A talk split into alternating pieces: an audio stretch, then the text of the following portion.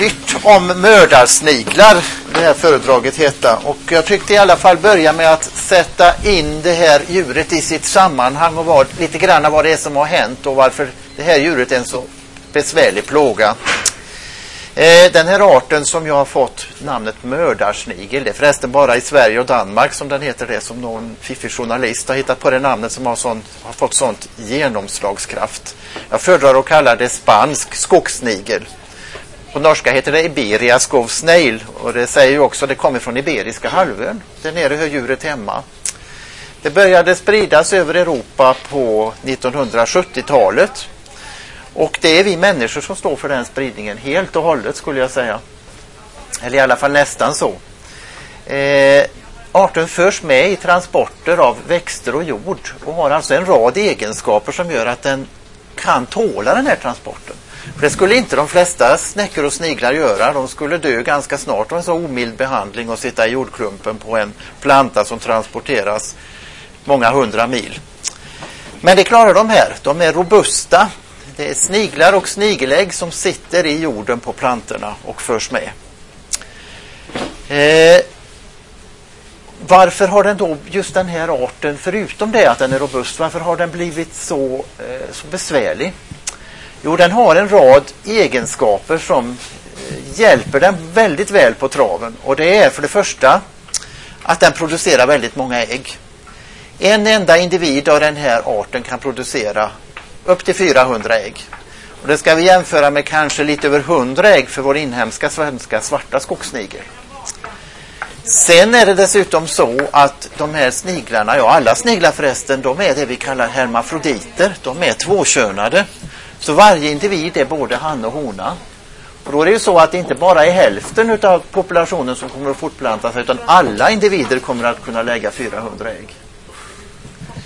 Sen har den ytterligare en sak på sin sida och det är det att eh, den kan självbefrukta. Eh, normalt parar de sig och sniglar parar sig och då byter de sperma med varandra och befruktar varandra när de kopulerar. Men den här arten den har också förmågan att hitta den inte någon partner då kan den ta sin egen sperma och befrukta sina egna ägg. Och där har den detta, alltså ett enda ägg, en enda ny snigel som kommer in på en ny plats kan grunda en ny population.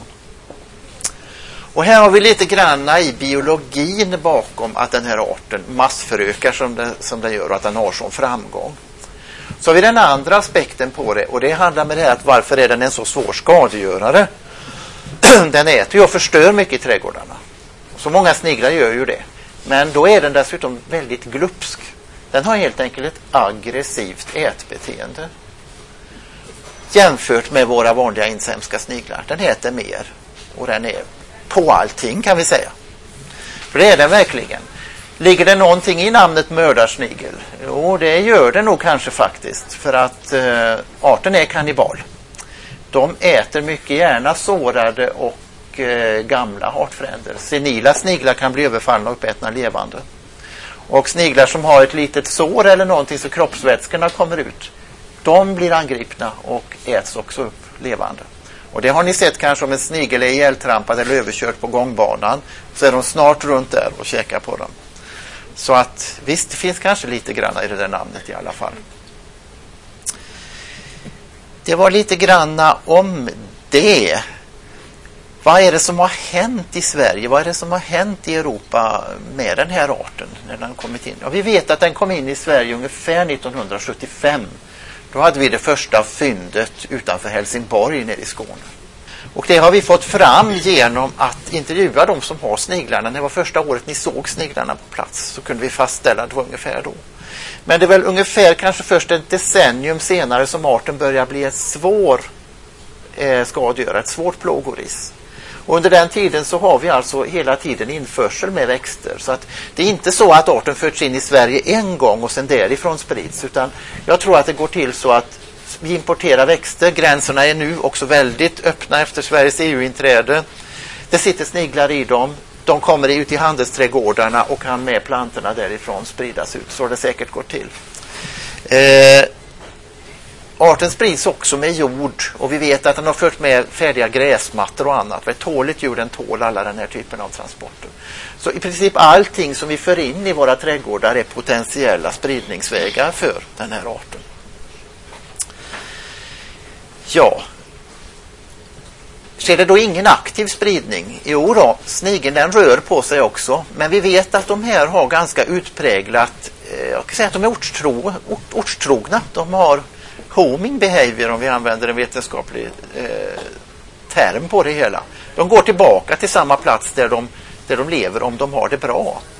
Och Det som får dem att spridas aktivt är ju det att populationerna växer. Det blir för tätt, det blir för många djur att trädgården kan kanske inte försörja så mycket sniglar. Och då börjar de spridas och kryper över till grannarna också.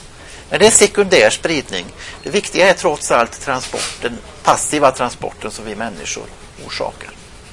Ja, hur vet man det här med att sniglarna är ortstrogna, att de inte rör sig så mycket? Ja. Österrikarna är nog de som har gjort mest biologiska undersökningar på den här arten. Och där har man eh, opererat in mikrochips i sniglarna.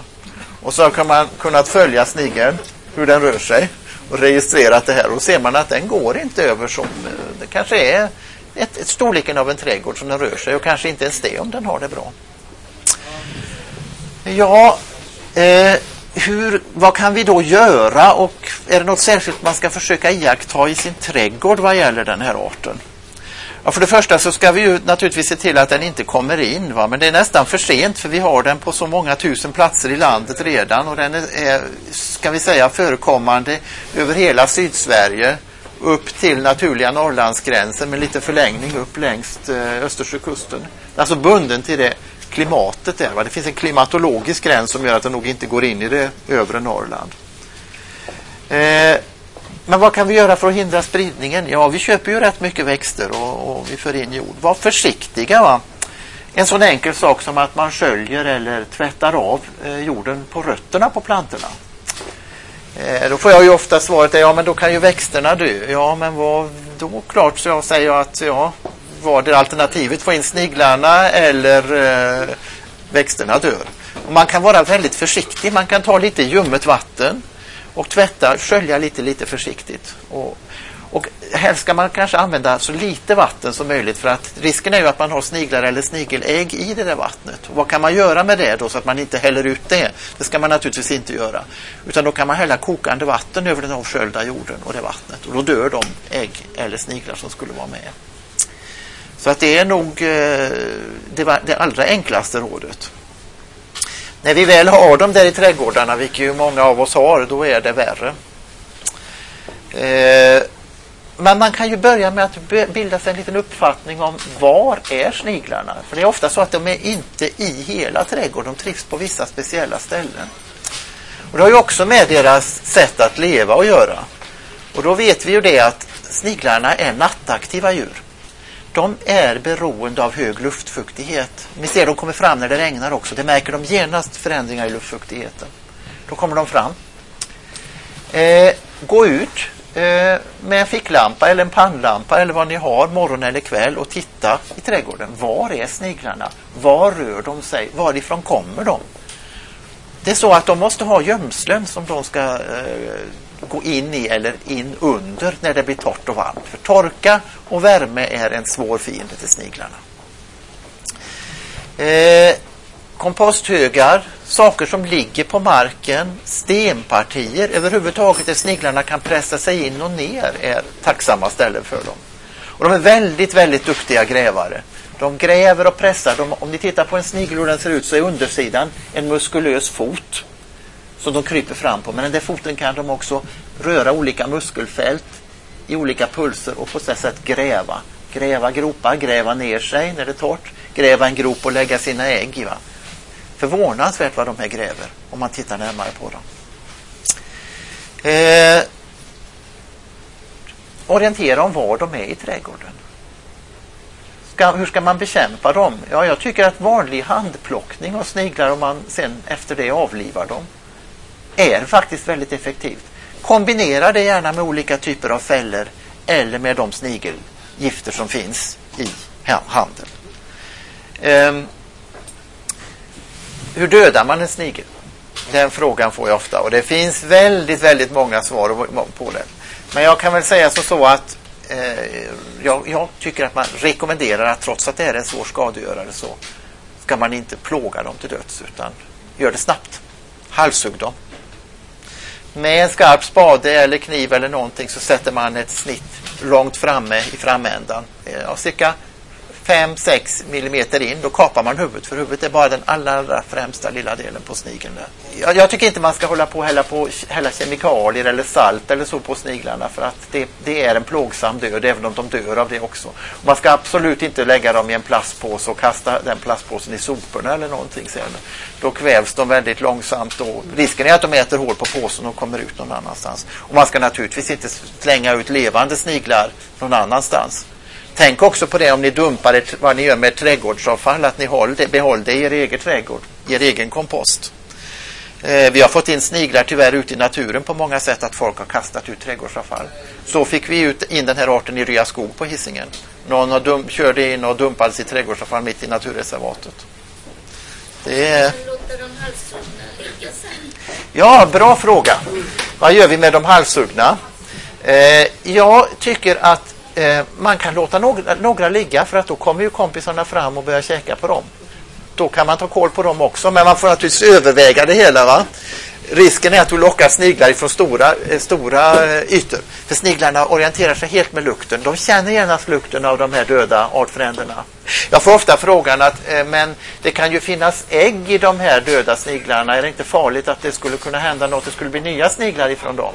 Nej, det där är en myt. Ett ägg som inte snigeln har lagt, det är inte moget. Så det kan inte utvecklas till en snigel. Så det behöver ni inte vara rädda för att det skulle komma sniglar ur de döda sniglarna. Eh, 400 ägg sa jag att en snigel kan lägga. Den lägger inte alla de äggen på en gång utan den sprider den ut under hela sommaren. Och äggen läggs i grupper av ungefär 20 till 10 ägg. Äggen är stora hos den här arten. De är faktiskt förvånansvärt stora för snigelägg. De är 4 till 5 millimeter i diameter. Glasklara när de läggs, blir gulaktiga mjölkvita under utvecklingen och kläcks efter ungefär fyra veckor. Beroende på värme och fuktighet, hur lång tid det tar, men ungefär fyra veckor. Eh, ägg kan man döda väldigt lätt, det är bara att krossa dem. Krossa hela äggsamlingen. Äggen kan vara svåra att hitta. Äggen ligger ofta eh, kanske någon centimeter ner i en håla de har grävt. Men de är lata.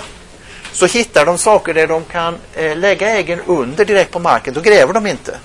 Ligger det en bräda eller någonting eller en sten eller någonting, då kan de bara gå in under det och dumpa av en laddning ägg där.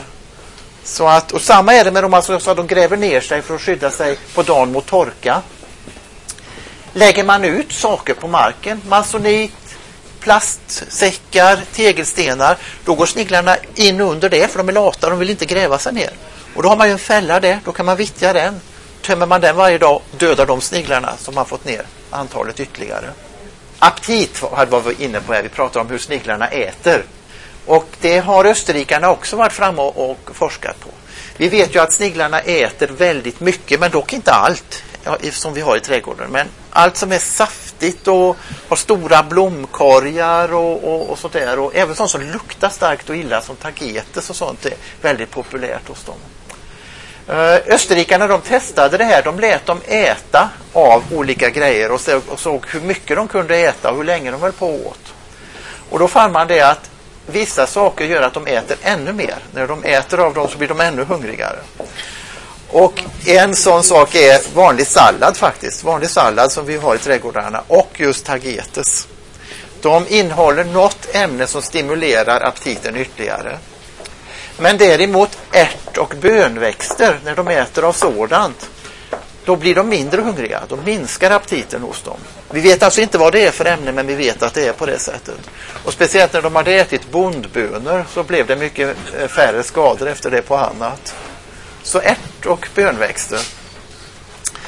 Vad äter de inte för någonting? Ja, det finns listor på internet över detta, över växter som de äter och som de inte äter. Jag är lite skeptisk till listorna för att det är, det är nog väldigt tveksamt. Eh, förr sa man alltid att rabarber äter de inte för det är för mycket oxalsyra i det, men det vet vi att det gör de. De äter rabarber, det går alldeles utmärkt. Och vi kan ju konstatera en sån sak att de äter ju väldigt eh, gärna ner potatisblast och de äter av tomatplanter. Och det är ju växter som innehåller solanin som ju för oss däggdjur är ett dödligt gift men det bekommer inte sniglarna på något sätt. Eh, vad har vi mer som de inte äter? Ja, barrväxter äter de inte. Växter med läderartade hårda blad som rhododendron brukar de inte äta. Rosor går de inte på själva växten men det klättrar de upp och äter på kronbladen istället. De. Ja, det är, det är mycket med den här. Eh, vissa kryddväxter äter de inte, andra är de väldigt förtjusta i. Jag tror inte de äter anis och kummin och sådana saker. Eh, det är motsägelsefulla eh, saker i litteraturen. Men dock, alltså, de kan äta till och med vitlök. Alltså det är inte stark, så att starka saker, vissa starka saker avskräcker dem inte. Man får prova sig fram. En sak som vi undrar väldigt mycket det är varför är arten ett sådant stort problem här och varför är den inget problem alls i sitt ursprungsområde? För att nere på Iberiska halvön ställer den inte till något, något större besvär. Den är en snigel bland alla andra. Är det, är det så att det är någonting i klimatet som reglerar livscykeln hos den? Eller är det så kanske att de här invasiva formerna på något sätt är genetiskt förändrade? Vi har börjat studera detta. Vi tittar på deras DNA och försöker få fram släktskapen mellan de olika formerna som förekommer i olika hörn av Europa. Men vi har inga, inga bra svar på det. Men man kan väl säga som så att vissa saker är, ja, är föranpassade till att kunna göra på det här sättet. Vissa arter är det. Om en art förs in i ett område där den inte finns tidigare och där den inte har några naturliga fiender, då kan det ske en sån här explosion. Vi har väldigt många exempel på vad som har hänt i Australien när det har kommit in europeiska arter där som har exploderat. Det finns inga naturliga fiender, klimatet har inte hindrat dem. Vi kanske har ett sådant fall här, antagligen har vi det, alltså en, en oerhört eh, livskraftig potentiell art som är invasiv på det sättet med de egenskaperna jag gick igenom tidigare. En av anledningarna till att de har få fiender det är att de producerar väldigt mycket tjockt trådigt slem om ni har tagit i en spansk skogsnigel så har ni märkt att man får väldigt mycket mer slem på händerna än när man tar i en vanlig svensk inhemsk svart skogsnigel. Och det är ju naturligtvis också en sak den har på sin sida. Va? Eh, grävlingar och igelkottar som normalt tar sniglar de blir så insmorda i munnen utav slemmet att de spottar ut dem blä och vi tar någonting som smakar bättre istället. Eh, bland fåglarna så är det vissa andfåglar kan ta dem. Myskanker pratar man ju om och myskanker de tar mycket riktigt mördarsniglar. Men hur effektiva de är det, det, är ju eh, en annan sak. Och sen om man kan ha anker i en stadsträdgård det är väl inte särskilt lyckat. Va? Men bor man på landet på en bondgård så går det kanske bra. Skalbaggar, rovlevande små skalbaggar har österrikarna också experimenterat med att titta jordlöpare, små svarta marklevande skalbaggar. De tar i alla fall ungstadierna, de små sniglarna och snigeläggen. Det vet vi. Och det finns potentiella fiender. För de, samma arter av skalbaggar finns också här uppe i Sverige. Och eh, här har vi kanske bara frågan om att, att, att eh, bytesdjur och rovdjur behöver möta varandra och eh, komma i kontakt med det. Kan, kanske kan utvecklas en balans här. Men vi är ju långt ifrån där än. Okej, okay, jag tar hybridiseringen också då. Eh, vi har funnit att de parar sig med vår inhemska svarta skogssnigel. Det är ganska intressant det här för att här har vi alltså en art som har utvecklats på Iberiska halvön, en nordeuropeisk art. Så långt ifrån varandra. Så flyttar människan den iberiska arten in i den andra artens utbredningsområde. Och eh, uppenbarligen finns det inte tillräckliga spärrar för att hindra hybridisering normalt så finns det i naturen eh, artspärrar, spärrar mellan arterna. Att avkomman blir steril till exempel, även om de kan fortplanta sig. Så är det inte här. Avkomman är fertil, fortplantar sig och kan också para sig med föräldraarterna. Eh, det man kan vara rädd för med de här det är ju att de tar upp den spanska skogssnigelns eh, aggressiva ätegenskaper och den svarta skogssnigelns eh, förmåga att vara anpassad till vårt klimat. Och att på det sättet att vi får en, en, en än värre skadegörare. Men detta vet vi inte, det är spekulation. Vi håller på att jobba med den här arten. Norrmännen jobbar också på den. Vi jobbar med DNA på dem också och tittar hur hybriderna ser ut och vad de har tagit upp ifrån de olika arterna. Men forskningen är bara på gång här än så länge. Vad ni har hört om det här så förstår ni kanske att det är ganska svårt att bekämpa dem överhuvudtaget. Att de har väldigt mycket på sin sida.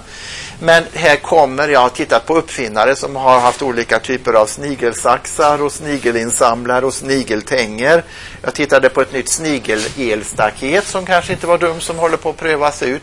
Man forskar också på att förbättra de gifter som finns.